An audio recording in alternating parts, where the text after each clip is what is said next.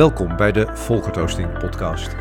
Wat leuk dat je luistert. Hier kom je naartoe als tegendraadse pionier, kleurrijke professional en wanneer je niets te gek is. Samen met mijn gasten deel ik wekelijks praktische tips, inspiratie en wetenswaardigheden over hoe je ongedwongen aan je ideale wereld kunt werken. En dat doe ik niet zomaar, want met deze podcast volg ik ook een persoonlijke roeping. Namelijk dat Nederland weer het tolerantste land van de wereld wordt. Want hoe anders je ook bent of doet, ik geloof dat iedereen het recht heeft gezien te worden zoals die echt is. Met deze podcast draag ik daar mijn steentje aan bij. Wil je me helpen? Laat dan nu een goud eerlijke review, like of comment achter bij deze aflevering. Ja, mijn gast vandaag. We waren nog maar net niet begonnen of ze gaf al meteen toe dat ze gek is op gadgets en nieuwe technologie. Hoe leuk is dat? Een heuse geek. Prachtig zo'n gek trekje. En dat voor een vrouw, zei ze er meteen lachend bij. Nou, dat belooft wat. Ze begonnen zelfs een bedrijf omdat stress in je lichaam meet terwijl je aan het werk bent. Ooit verhuilde ze de chique Zuidas om haar hart achterna te gaan omdat ze te veel concessies deed aan zichzelf, vertelt Judith. Ze had zoveel stress en zoveel slapeloze nachten dat toen ze net moeder was, ze de Zuidas verruilde voor een zolderkamer. Ik heb het over Judith Lemmers van het bedrijf Less Stress. In deze aflevering hebben we het over gevangen zitten in je baan, over vrijheid en of dat nog überhaupt wel bestaat, die vrijheid in een baan. En wat er gebeurt als je je conformeert. De enorme stress die dat ook geeft volgens Judith en wat je kunt doen om die weer kwijt te raken, zodat je tegendraads jezelf kunt blijven. Ik wens je veel luisterplezier in deze aflevering over stress met Judith Lemmers. Judith, leuk om bij jou aan de keukentafel te zitten. Ja. Over, uh, ja, over, um, over tegendraads pionieren. Ja. Um, grappig over tegendraadsheid gesproken. Wij zaten net op te nemen. Ja. en uh, we wilden hem bewaren en hij was weg. Ja, je bent wel heel eerlijk nu, Volker. Ja, ik ben, ja, ik ben een bloedeerlijk hierin, in dit soort dingen. Ja, ja en misschien ook een beetje tegendraads om, uh, om bloedeerlijk uh, te zijn over jezelf. Nou ja, kwetsbaar is misschien een ander woord. Ja. Gaat bij iedereen wel eens een keertje mis. Ja, ja, ja. Um, hey, wat is het laatste dat jij uh, op een tegendraadse manier, op een gekke manier hebt gedaan? Ja, die hebben als je kijkt naar... Ik deed het nu met de opname, ja. maar... Uh... Was wel heel tegendraads. Ja. Tegen de computer. Nee, tegendraads. Eigenlijk zijn mijn keuzes altijd uh, qua werk denk ik wel een beetje tegendraads geweest. Ik heb ehm, eigenlijk twee keer in een hele goede baan gezeten. Waarbij ik op een bepaald moment bedacht, ehm, ja, dit is het toch niet. Ik stop ermee. En dat waren nou ja, momenten waarop andere mensen misschien gedacht hadden: hoe pik je het uit zo'n moment? Dat is de, niet het meest handige moment. En dat uh, één moment was bijvoorbeeld toen ik uh, net moeder was geworden van mijn oudste dochter. Um, die was een paar weken oud. Ik was op dat moment ook net, net gescheiden. Um, had een huis gekocht wat verbouwd moest worden. En ik woonde op een zolderkamertje met de helft van mijn inboedel. Wow. En de andere helft zat, zat in een container. Ja. Um, en toen hebben we mijn baan opgezegd. En wat maakte dat het zo tegendraads voelde? Ja, voor mij voelde het nog ineens zo tegendraads. Maar ik kreeg wel heel veel reacties van mensen die vonden het uh, nou, eigenlijk wel heel erg onverstandig. Hoe je op zo'n moment uh, zoveel zekerheid uh, achter je kon laten. En ga je dan niet aan jezelf twijfelen? Ging je niet twijfelen? Maar ja, je gaat natuurlijk, denk je wel na van... het klopt ook wel wat ze zeggen. Misschien is het ook wel niet zo handig om dat te doen. Aan de andere kant dacht ik, ja, ik zie wel wat er van komt. Hoe erg kan het zijn? Stel je voor dat het mislukt, nou ja, dan ga ik weer terug naar een vaste baan. Er komt wel weer een oplossing ergens voor. Uh, dus het zet je wel aan denken. Dat is denk ik ook wel goed. Hè? Je moet niet iets uh, ja, klakkeloos doen. En uh, zo, zo zit ik zelf ook niet in elkaar. Maar ik ben ook niet iemand die heel erg lang blijft nadenken en daar jarenlang mee bezig is van zal ik het wel of zal ik het niet. Op een bepaald moment heb ik dat gevoel en dan ga ik het ook gewoon doen. Ga je het doen? Ja. ja. Dus ja. dan ga je je eigen weg eigenlijk. Ja. Ja. ja. En wat ben je gaan doen? Ik ben toen uh, eigenlijk wel in hetzelfde vakgebied gebleven. Ik zat in recruitment. Ik werkte bij een grote recruitmentorganisatie.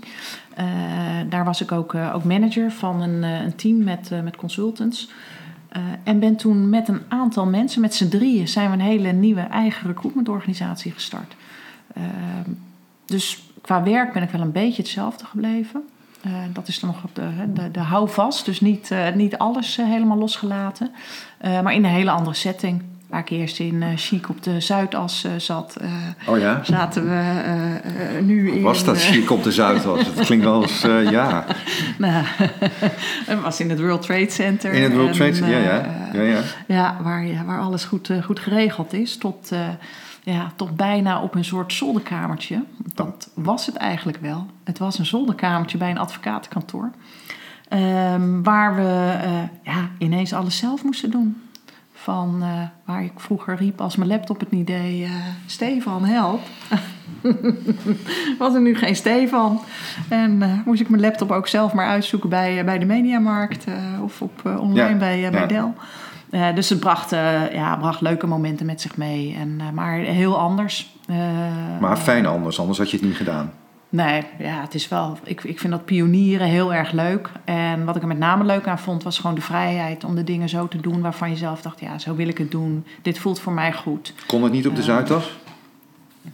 Nee, het grappige is, als ik nu nog wel eens terugkom op de Zuidas dan voel ik dat ook wel weer een beetje. Dan denk ik van, oh. Oh ja, wat zie je dan? Nou, ik zie wel. Um... Voor iedereen die op de Zuidas werkt trouwens, neem het niet persoonlijk wat jullie nu zegt. Nee, nee, want dat geldt zeker niet voor iedereen. Nee, ik, ik merk wel een bepaalde gehaastheid op de Zuidas. Um, ik merk ook wel dat er. Uh, ja, een bepaalde sfeer hangt.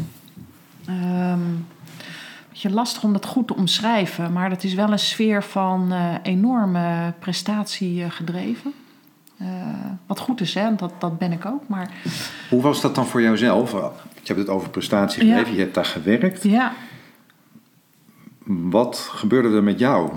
Ja, ik liet me daar wel een beetje in meeslepen, eerlijk gezegd. Ik uh, stond denk ik toen niet zo sterk in mijn schoenen dat ik uh, uh, daarin mijn eigen keuzes maakte. Want sterk in je schoenen staan, wat, wat maakt dat dan moeilijk? Ja, ik denk als je Daar? niet sterk in je schoenen staat, dan ga je toch een beetje mee met de flow. En als je lang in die flow zit, heb je eigenlijk niet meer door dat je in die flow zit. Dus ga je dingen heel erg normaal vinden. Um, ik vond het heel normaal om s ochtends vroeg te beginnen uh, voor half negen achter mijn bureau te zitten. En eigenlijk nooit voor, uh, voor zeven uur naar huis te gaan. En als ik thuis was, was ik s'avonds ook nog uh, aan het werk. En deed uh, iedereen dat? Dat deed iedereen. Dat was wel... Want dan, was, was je, een... dan, was je, dan was je... Ja, dan was je hard aan het werk. En de connectie was als je hard werkt, dan ben je, ben je denk ik succesvol. En voor een deel is dat natuurlijk zo. Hè. Om, om hard werken is denk ik goed. En uh, op zich van hard werken gaat niemand dood. Maar de vraag is van, ben je nog slim aan het, hard aan het werken? Of ben je hard aan het werken op die manier omdat dat van je verwacht wordt dat je dat op die manier doet? En ik kwam er meer en meer achter dat ik eigenlijk helemaal niet meer zo ja, productief was uh, en dat ik beter andere dingen kon gaan doen. Maar dat dat heel lastig was. Maar als je dan niet sterk in je schoenen stond om eerder naar huis toe te gaan en de opmerkingen van heb je een vrije middag uh, naast je neer te leggen. En wat gebeurde dan? Dat je je werk steeds moeizamer gedaan kreeg? Ja, nou eigenlijk kreeg ik het niet moeizamer gedaan, maar het plezier ging er wel meer uit. Um, ik vond het wel minder leuk worden. Uh, en dat kostte mij wel energie. En ik kreeg gewoon andere ideeën over hoe het anders zou kunnen. Um, en dat paste niet binnen die organisatie, ja. Nou ja. Loop je toch een beetje tegen de hokjes aan? Ja, de ideeën aan of de overtuigingen van, uh, van mensen dat uh, ja, als ze je niet zien, uh, dat je dan niet hard werkt. Um, hè, dus dat je in het zicht aan het werk moet zijn. Terwijl ik dacht, ja, ik werk thuis veel harder. dan zit ik even in alle rust. En hier word ik soms enorm afgeleid. Maar dat is, we hebben ook wel over twintig jaar terug. Hè? Ik bedoel, nu is thuiswerk zeer gebruikelijk, ja. maar twintig jaar geleden. Maar twintig jaar geleden had je vast ook. Um je hebt allerlei goede ideeën die je daar um, ja, in hebt gebracht ja. bij je collega's. Ja. En je zegt ook van, nou, daar ging het misschien eigenlijk niet zo om. Hoe bedoel je? Om die, om die goede, om die, hoe reageerden ze? Ja. Als jij het anders deed? Nou ja, en misschien deed ik het ook gewoon nog veel te weinig anders. En dat, dat is wat ik een beetje bedoel met als je sterk in je schoenen staat, dan denk je van ja, ik ben hiervan overtuigd, ik ga dat doen. En ik riep het soms wel, maar dan kwam er tegengas en dacht ik, oh ja, nou, laat dan maar, dat kan hier niet of eh, dat past hier niet. Ehm, dus ik ben eigenlijk een beetje te veel ja, binnen de lijntjes gebleven daar, Ja. eh, naar mijn gevoel. Ja. En uiteindelijk bedacht ik van ja, dit is gewoon niet zoals waar ik me fijn bij voel. Ehm, ga ik hier de strijd eh, eh, nog verder aan? Of ehm, dan kies ik gewoon voor mezelf en ga ik lekker iets voor mezelf doen op een manier die ik leuk vind. En als ik dan 's ochtends denk, ik ga eerst een rondje hardlopen en ik ga om tien uur pas werken. Ja, niemand die dat, die dan zegt van je werkt niet hard genoeg. Nee. Nou, ik heb het zelf ook wel ervaren hoor, in, in organisaties. ehm, dat ik voortdurend aan het kijken was van. ehm, met allerlei gekke, wilde ideeën in mijn Ja. hoofd van hoe, gaat, hoe gaan ze hierop reageren? Ja. En dat ik bijna. nee, ik kijk nu een beetje jou aan, zo'n beetje schichtig van. Hoe, om te illustreren hoe dat was. Van Ja. hoe, hoe gaat dat landen? Ja. Weet je wel? Hoe gaan ze dit vinden? Vinden ze dit niet een beetje, een beetje raar? Ja, En, dan, en, soms vonden ze het ook een beetje raar. En dat vond ik dan wel weer heel, heel erg lastig. Ja, ja, want je bent toch vaak, tenminste als ik spreek voor mezelf, ik was wel vaak op zoek naar bevestiging van mensen die zeiden: Oh, je doet het goed. En eh, eh, ja, dan pas je toch wel veel aan in de omgeving waarin, eh, waarin je zit. En zelf heb ik me echt wel eens weggecijferd.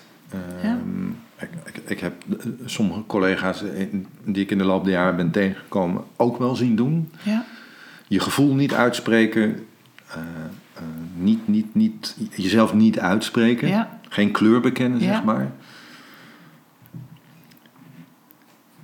Heb je dat ook wel eens meegemaakt? Mm, ja. Ehm, en de vraag is van, eh, dat heb ik mezelf al toen ik weg ben gegaan gevraagd van ja, hoe had ik niet meer kleur moeten bekennen? Maar soms ben je er ook helemaal niet zo bewust mee bezig. Ik was er op die leeftijd ook niet zo heel erg bewust mee bezig om kleur te bekennen. Ik was gewoon hartstikke jong, enthousiast. Ik had een leuke baan. Eh, eh, ik eh, reed een mooie auto en kreeg elke maand veel geld overgemaakt. Ik vond het eigenlijk wel oké. En mensen in mijn omgeving die riepen dat eigenlijk ook. Van, joh, wat heb je leuk werk. En, dus je verkoopt het ook gewoon een beetje aan jezelf. En dat kleur bekennen, vaak er, ik ervaarde eigenlijk pas hoeveel concessie ik gedaan had toen ik eh, het anders ging doen. Toen dacht ik, oh, Zo kan het ook. zo kan het ook. En ik was niet zo heel erg raar met die ideeën die ik soms wel had. Dus je kon in één keer Eh. je eigen ideeën de vrije loop laten. Je kon, Ja. Ja, werken Die- op een manier waarvan je denkt, nou, zo, die past bij mij. En eh, uiteindelijk denk ik, eh, ja, presteerde ik beter dan eh, binnen de lijntjes die er destijds waren. Hoewel, soms heb je die lijntjes ook nodig, hè, om iets te leren en om ergens goed in te worden, heb je ook een bepaalde discipline nodig. Denk je wel dat dat überhaupt kan? In alle vrijheid eh, binnen een organisatie, in, je- in je baan. eh, dit, is, dit is geen eh, retorische, een beetje duur gezegd retorische vraag. Maar ik ben oprecht nieuwsgierig naar. Ja. ja, ik vond dat zelf heel erg lastig. Eh, om, eh, voor mij is vrijheid heel erg belangrijk. Ben ik achtergekomen. Heb ik, had ik me destijds ook niet zo beseft dat dat voor mij zo belangrijk was. Eh, ik heb een keer ehm, ja, goed nagedacht. Naar aanleiding van een opleiding die ik gevolgd heb. Van wat zijn nu eigenlijk mijn kernwaarden? Hè? Waar, wat, wat, wat typeert jou nou? Wat hoort, wat hoort bij jou? En daar was vrijheid. stond daar boven, bovenaan. En voor mij is dat zo erg belangrijk. Ik ben er later ook achter gekomen. Ik heb nog een keer in een vaste baan eh, gezeten. En kwam daar ook snel achter dat dat, ja, dat paste gewoon niet meer bij mij. Ik miste mijn vrijheid enorm. Ehm, Gaf dat ook stress? ja, heel veel. Heel veel stress. Gelijk al, op hele korte, korte tijd. En hoe, Ehm. hoe was dat dan, die stress voor jou? Wat, wat gebeurde er? Ja, ik ging heel slecht slapen. Mhm. Ik eh, eh, was eigenlijk alleen nog maar met mijn werk bezig. Om het toch eh, nou ja, te voldoen aan wat er je gevraagd werd. Terwijl dat eigenlijk een beetje tegen mijn natuur inging. Maar ik dacht, dit, ja, dit is zo'n mooi bedrijf waar ik werk. Dit is zo'n kans waarvoor ik hard gewerkt heb om die, om die te krijgen. Maar ja, eerlijk gezegd was dat gewoon... Het, het paste niet meer. Dus voor mij, vrijheid binnen een uh, baan, ik denk dat dat niet meer past. Maar nee, en, dat, en, je, en ik hoor je eigenlijk ook zeggen, klopt dat, dat het de vraag is of al die ondernemende organisaties die hè, uh, hun medewerkers de mogelijkheid bieden om in vrijheid hun werk te doen. Ja. Dat dat, maar de vraag is of dat überhaupt, is dat utopie? Nou, ja, dat, dat, uh, dat weet ik niet. Ik denk dat dat ook afhangt van, doet zo'n organisatie dat echt oprecht? En klopt dat echt? Of is dat uh, uh, een beetje wat meer aan de marketingkant? En zitten daar impliciet toch andere verwachtingen onder? Uh, hoe belangrijk vind je het zelf hè, als, uh, als persoon om die vrijheid te hebben? Er zijn ook mensen die zeggen: Ik vind die vrijheid verschrikkelijk. Ik heb het juist nodig dat ik uh, naar een kantoor ga en dat iemand tegen me zegt: Dit moet dan en dan af, want anders dan komt het niet uit mijn handen. Ja. Um, dus het is niet. Ja, ik denk dat dat voor iedereen wel anders, anders is. En dat is van pas je binnen een bepaalde cultuur in een bedrijf? ben je dan misschien meer ondernemer of ben je misschien werknemer? Uh, vind je het fijn om uh, uh, duidelijke kaders te hebben of, of juist niet? Um, maar voor mij, ik. Toch ben, toch, ben, toch ben ik daar best wel bezorgd over. Ik ja? heb namelijk het gevoel dat als ik kijk. Ja, laatst las ik het, een rapport met. Um, of het CBS of zo, mm. of zoiets. Met de burn-out cijfers en de cijfers die gaan over pesten en mensen ja. die zich gevangen voelen in hun baan. Ja die cijfers, ja, die, die waren schrikbarend. Ja, ja en ik ken de cijfers en die zijn ook echt schrikbarend. Ik zeg even van burn-out. Ik ken zeker mensen die een, uh, een burn-out hebben, hebben gehad of uh, misschien wel dicht tegenaan zitten. Maar ik ben altijd wel verbaasd over dat pesten. Dat, dat is iets wat nou, ik wel eens om me heen gezien heb op, uh, op, op de basisschool, maar op werk. Ik heb het zelf één keer, één keer ervaren. Dat was niet, dat was niet heel expliciet uh, gepest, maar een hele subtiele vorm. Hmm. Waardoor het voor mij wel een, een, soort van intimiderend gevoel gaf. Dat was een manager die mij filmde. Uh, ik moet even denken, tijdens een presentatie die ik gaf voor collega's. Ja. En hij mocht me gewoon niet helemaal. En dus hij heeft daar met zijn iPhone lopen filmen. En twee weken later gezegd, ja, dat was niet je beste presentatie. Uh, ik, wil, hier, ik wil je dit filmpje even laten zien. Ja,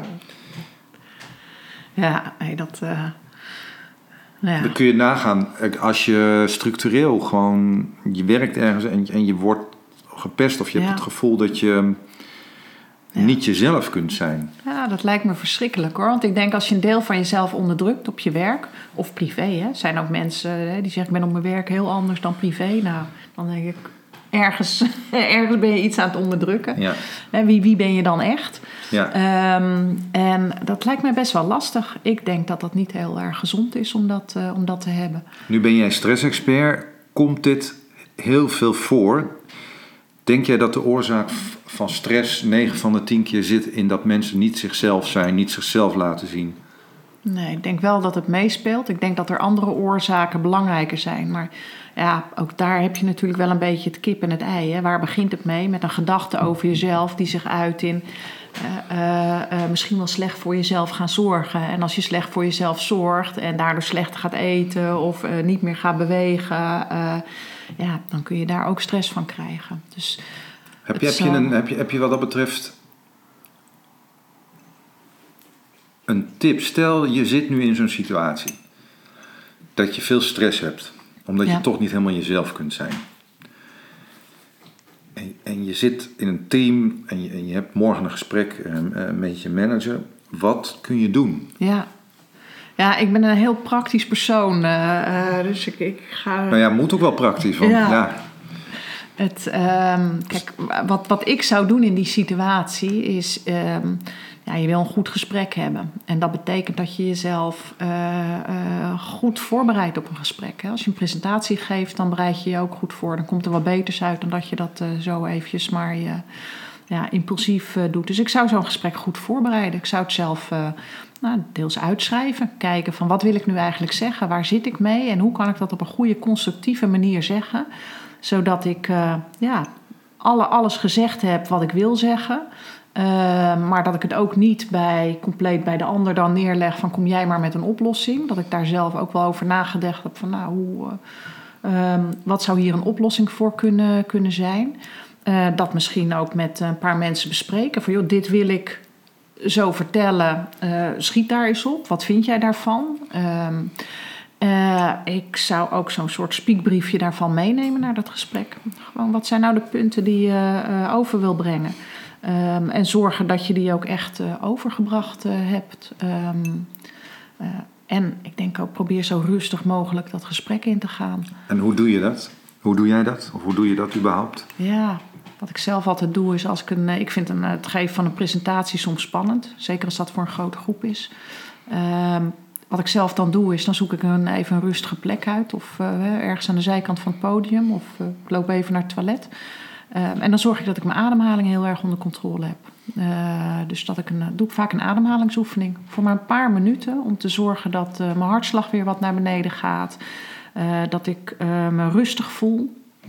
En als ik me rustig voel en ik visualiseer dan ook vaak van oké, nou ik kom zo dat podium uh, oplopen. Dus ik stel het me al een beetje voor hoe het gaat zijn. Um, ja, dat werkt voor mij om uh, rustig uh, te starten. En eigenlijk niet in zo'n presentatie dat punt te bereiken dat je nou ja, heel, erg, heel erg met een hoge hartslag en een hoge ademhaling zit. Want het is natuurlijk spannend en dat is ook goed. Dat blijft ook zo. Dat blijft ook zo. Het zou niet goed zijn als, je dat, als je dat niet meer hebt. Het wordt wel minder, denk ik. Je gaat het wel beter je, uh, beheersen. Uh, maar het is ook goed, een beetje spanning. Dan haal je het beste uit jezelf. En zo'n gesprek met een manager over iets wat je dwars zit, dat is ook spannend. Uh, het staat toch vaak veel op het spel. Of je, hebt er al heel, je zit er vaak al lang mee voordat je dat uiteindelijk gaat melden.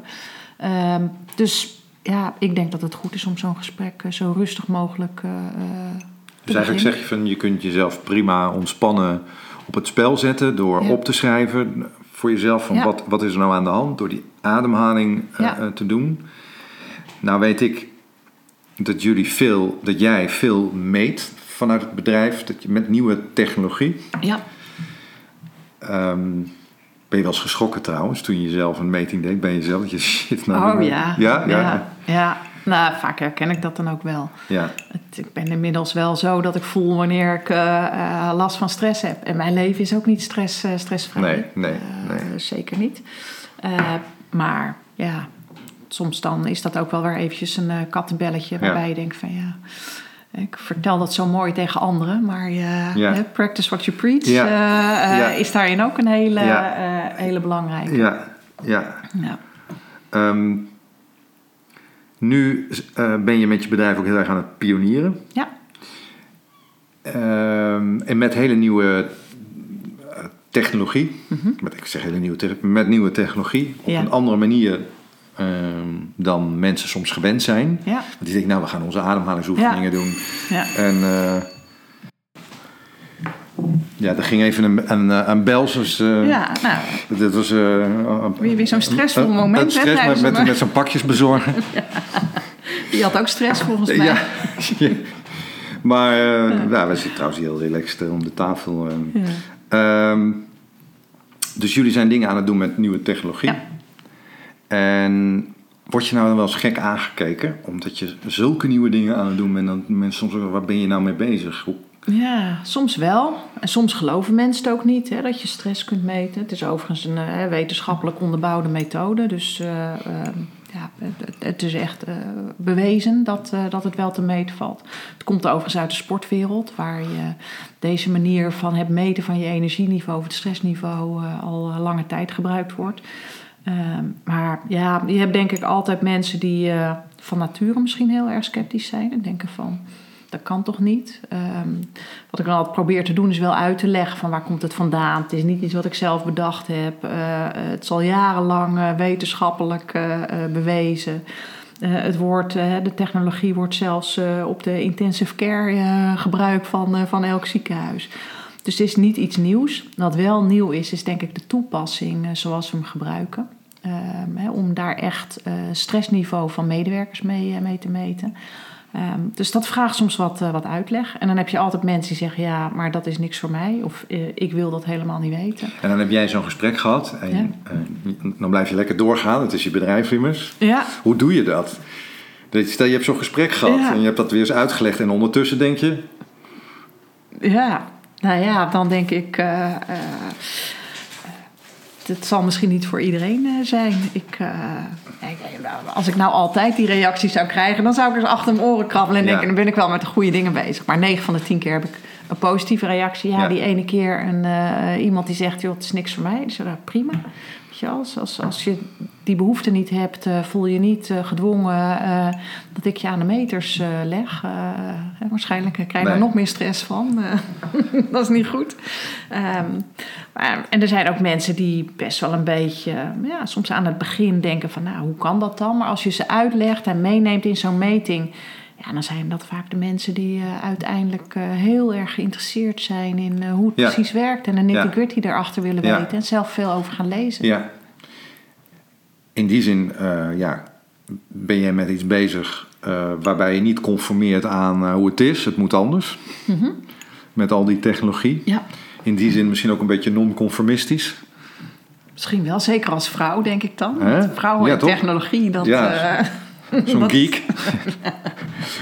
Ehm, ik zie heel veel dat, eh, dat er ja, dat, dat, dat heel veel mensen zo'n kant hebben. Zo'n zo'n niet aangepaste kant. Zo'n Ja. non-conformistische kant. ja, En eh, die ook soms een beetje wegstoppen. Ik heb het ook lang gedaan. ja. Vertel eens, wat, wat heb jij dan weggestopt? Nou, ik heb, eh, ik, ik heb bijvoorbeeld mijn muzikant zijn heb ik best wel lang weggestopt. Ehm, ik heb ook wel, ehm, laten we zeggen, een, een creatieve kant. Een, een, een gekke kant heb ik weg, weggestopt. Ja. Ik ben bijvoorbeeld heel sensitief en eh, sommige mensen hebben wel eens tegen mij gezegd, nou ja, een beetje, een beetje apart eigenlijk wel. En, en heel sensitief en dan ook nog eh, dingen heel snel uitpluizen en Ja, een beetje analyserend en zo. ja, Ehm, ja, en dat heeft er wel toe geleid dat ik soms heel erg in mijn hoofd zat. Omdat ik geen, eh, geen, geen, hoe zeg je dat? Ja, geen, geen manier wist te vinden om daar eh, mee om te gaan. ja. Dus het hebben van een gekke kant, ik ben er apen trots op. Ja, zou ik ook daar- zijn. dat- ja, een beetje zo'n non-conformistische Ja. kant. Ja, ik, ik, ik, ik haal daar nu alles uit Ja, in wat ik doe. ja, Maar ik zie ook dat, dat er nog heel veel mensen zijn die daarmee eh, eh, mee worstelen. ja, Een van de dingen die ik heb gedaan is s- ja, kleur bekennen daarover. ja, Zeg van in gesprekken, ook al werd ik soms gek aangekeken om negen uur bij het koffiezetapparaat 's ochtends. Ja, ik had nu toch zo'n eh, waanzinnig eh, optreden. Of, eh, ja, ja. En ook wel vervolgens heel erg voor mezelf gekozen. ja. Heeft wel ook lang geduurd. Maar weet je, ik zit nu wel in, ehm, in een soort van, eh, hoe zeg je dat? Ehm, situatie waarin ik daarvoor blijf staan. Wat er ook van gezegd of gevonden wordt. Ja. Nou ja, ik kan me voorstellen dat het wel heel fijn voelt als je ook die kant kunt laten zien en dat niet wegstopt. eh, Ja, want anders ben je, ben je eh, op je hoede. Dus ja, wat mij betreft is stap 1 voor als je, als je dat bij jezelf ziet, is kleur bekennen. ja, ja. Denk je ook niet dat heel veel mensen wel een gekke kant hebben, maar zich dat niet zo beseffen dat ze die hebben? Ja, dat, en dat zou nu te flauw zijn om te zeggen, dat moet je ze zelf gaan vragen. Nee, nou, ehm, ik geloof er oprecht in dat, dat, dat, dat, dat veel mensen heel goed van zichzelf weten waar hun gekke kant zit. Niet iedereen noemt het misschien zo. Nee. Maar of het nou een hele ingrijpende levenservaring, gebeurtenis is geweest, of het is een gek eh, trekje bijvoorbeeld. Ja, Ik geloof wel dat we dat diep down weten. ja, Alleen we zijn wel heel goed erin geworden om het te onderdrukken. ja. Nou, ik denk zeker in werksituaties. Ik- eh, eh, volgens mij zijn er ook veel mensen die denken van... ik hoor op een bepaalde manier zo te zijn op mijn werk. Hè, van wat ik net zei ook, dat mensen anders op hun werk zijn dan thuis. Dat is toch eigenlijk wel raar.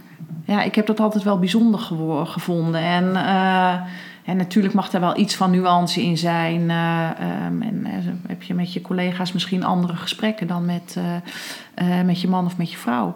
Maar als je echt je anders, je echt anders gaat gedragen dan dat je bent, ah, dat, dat kan niet anders dan heel veel stress opleveren.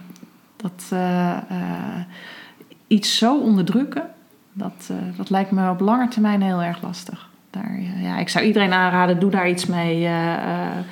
of spreek het uit, of zoek een omgeving waar je wel jezelf kunt zijn. Ehm, maar blijf niet zitten op de plek waar je, ja, waar je niet jezelf kunt zijn. Dat is eh, onherroepelijk gaat dat een keer mis. Ja, dus je zegt van dat scheelt een hele hoop stress in onze wereld. Zeker, absoluut. Ja, ja, ja. Ja, Nou ja, wat dat betreft, ehm, ik, moet, ik moet nu ineens denken aan, eh, aan, aan een paar Belgische psych- psychiaters die daar hè, heel erg hard voor maken. ja. Die de wachtkamer vol hebben en denken, wat doen al die mensen hier?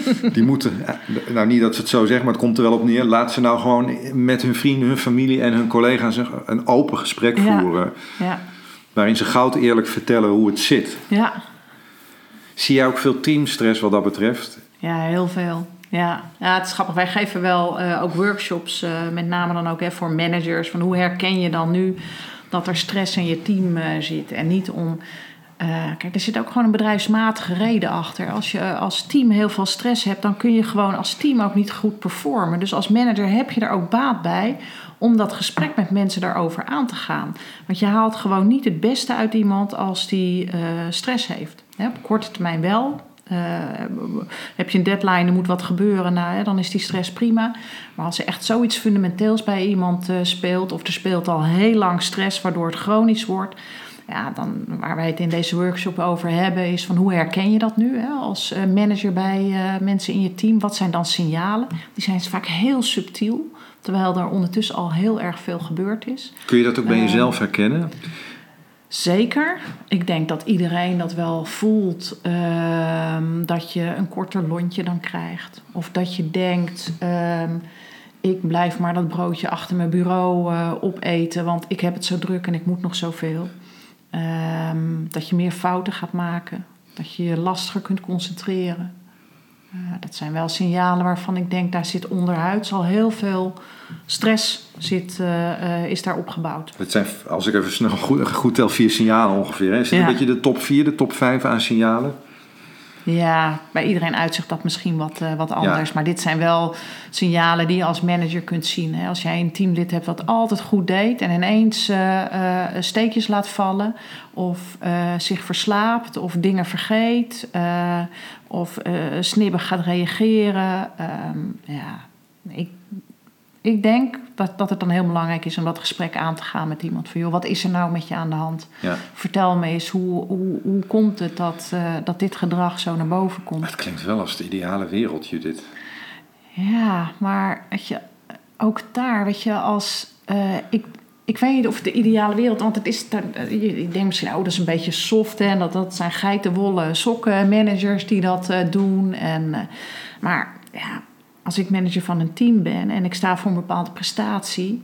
ehm, ja, dan is het belangrijk dat iedereen in het team goed in zijn vel zit. Dus in die zin heb je eigenlijk als manager, zeg, hoor ik jou zeggen, ook een soort van verantwoordelijkheid om af te wijken en te laten zien: nee, hier kun je dus wel Precies. Ja, jezelf uitspreken. ja Moet je absoluut. con- in die zin, of je nou een professional bent of een manager, gewoon überhaupt non-conformistisch eh, je opstellen af en toe.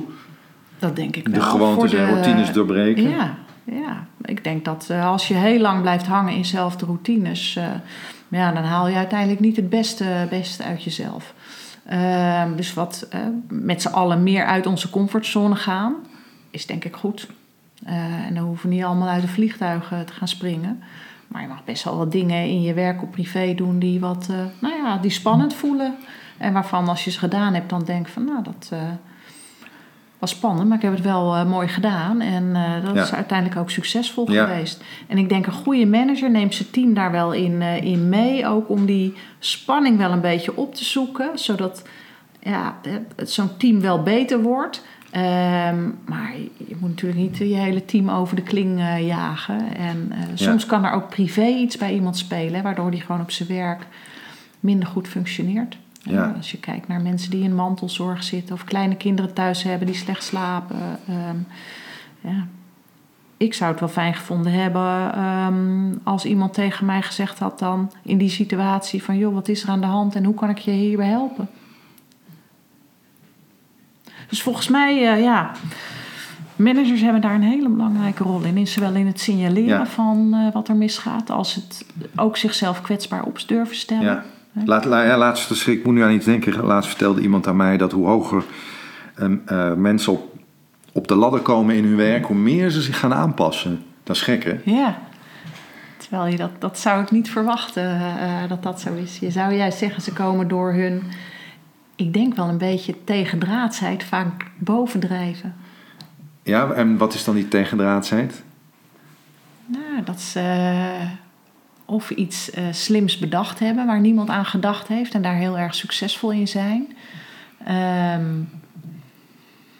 ja, eh, of iets op een hele andere manier gedaan hebben. eh, waardoor iedereen denkt van nou, dat hebben we nog nooit gedaan, maar het werkt en het is super succesvol. Dus laten we dat nu maar als de nieuwe manier van we doen het voortaan op deze manier. Ik vind het altijd wel intrigerend om daar naar te kijken. En dan Ja. denk ik van ja. Maar ja, er zijn natuurlijk ook zat organisaties waar je juist boven komt drijven als je niet, zo'n, eh, eh, als je niet zo heel erg anders dan anderen bent. Eh, Ja. Nou, dat klinkt genuanceerd. Nou, er zijn ook heel veel verschillende soorten organisaties. Ja, eh, ja, ja. ja. ja. Eh, Judith, we zijn bijna door onze tijd heen. En is er nou nog één praktische tip die je hebt voor iemand die morgen wil beginnen om wat onaangepaster ja. te leven, een beetje zijn eigen weg te gaan? Ja, ja. Nou, ik zou wel eh, eh, eh, zeggen van blijf, blijf wel bij jezelf. Kijk, ga niet iets tegendraads doen om tegendraads te zijn. Ehm, eh, eh, dat, dat voorbeeld van die kernwaarden. Ga voor jezelf eens op zoek van wat zijn nu hele belangrijke, eh, belangrijke ja, onderdelen in je leven. Hè, zoals voor mij vrijheid is. Als je weet dat dat belangrijk is, zoek daar dan wat meer die spanningen op. Ga eens wat meer vrijheid voor jezelf eh, nemen. Ehm, en eh, kijk eens hoe ver je dat kan stretchen, dat het wel spannend voelt. Maar dat je niet eh, denkt van, nou, dit, dit is zo eng, hier ga ik never nooit aan beginnen. En ja, doe dat in kleine stapjes en kijk eens hoe ver je daarmee mee komt. Dus of dat nu hè, mensen die lang denken van ik wil iets voor mezelf beginnen. Ja, ga eens kijken of je vier dagen per week kan werken en één dag eh, dat ondernemerschap op kan zetten. Ehm, ga het gewoon doen en kijken hoe het voelt. En, eh, Voel je een eh, vindingrijk mens? ja, Ja. ja, ja. zo- zoek naar iets waarop je dat voor jezelf kunt realiseren. Ehm, en ik denk dat er altijd meer kan dan, dan je zelf nu denkt dat er kan. Door het gewoon te gaan doen en te ervaren. En belangrijk om gewoon te zorgen dat je mensen om je heen hebt die je daarin steunen. En eh, als jij iets ondernemends wil doen en je hebt alleen maar vrienden om je heen die heel veel zekerheid zoeken, ja, die gaan jou daar niet in, eh, in aanmoedigen. Eh, kijk eens of er andere mensen zijn die misschien ook al aan het ondernemen zijn. waarmee je eens zou kunnen praten van hoe hebben zij dat gedaan. Zoek je fans en cheerleaders. precies. Mooi, ja, Judith. mooi gezegd. Dankjewel.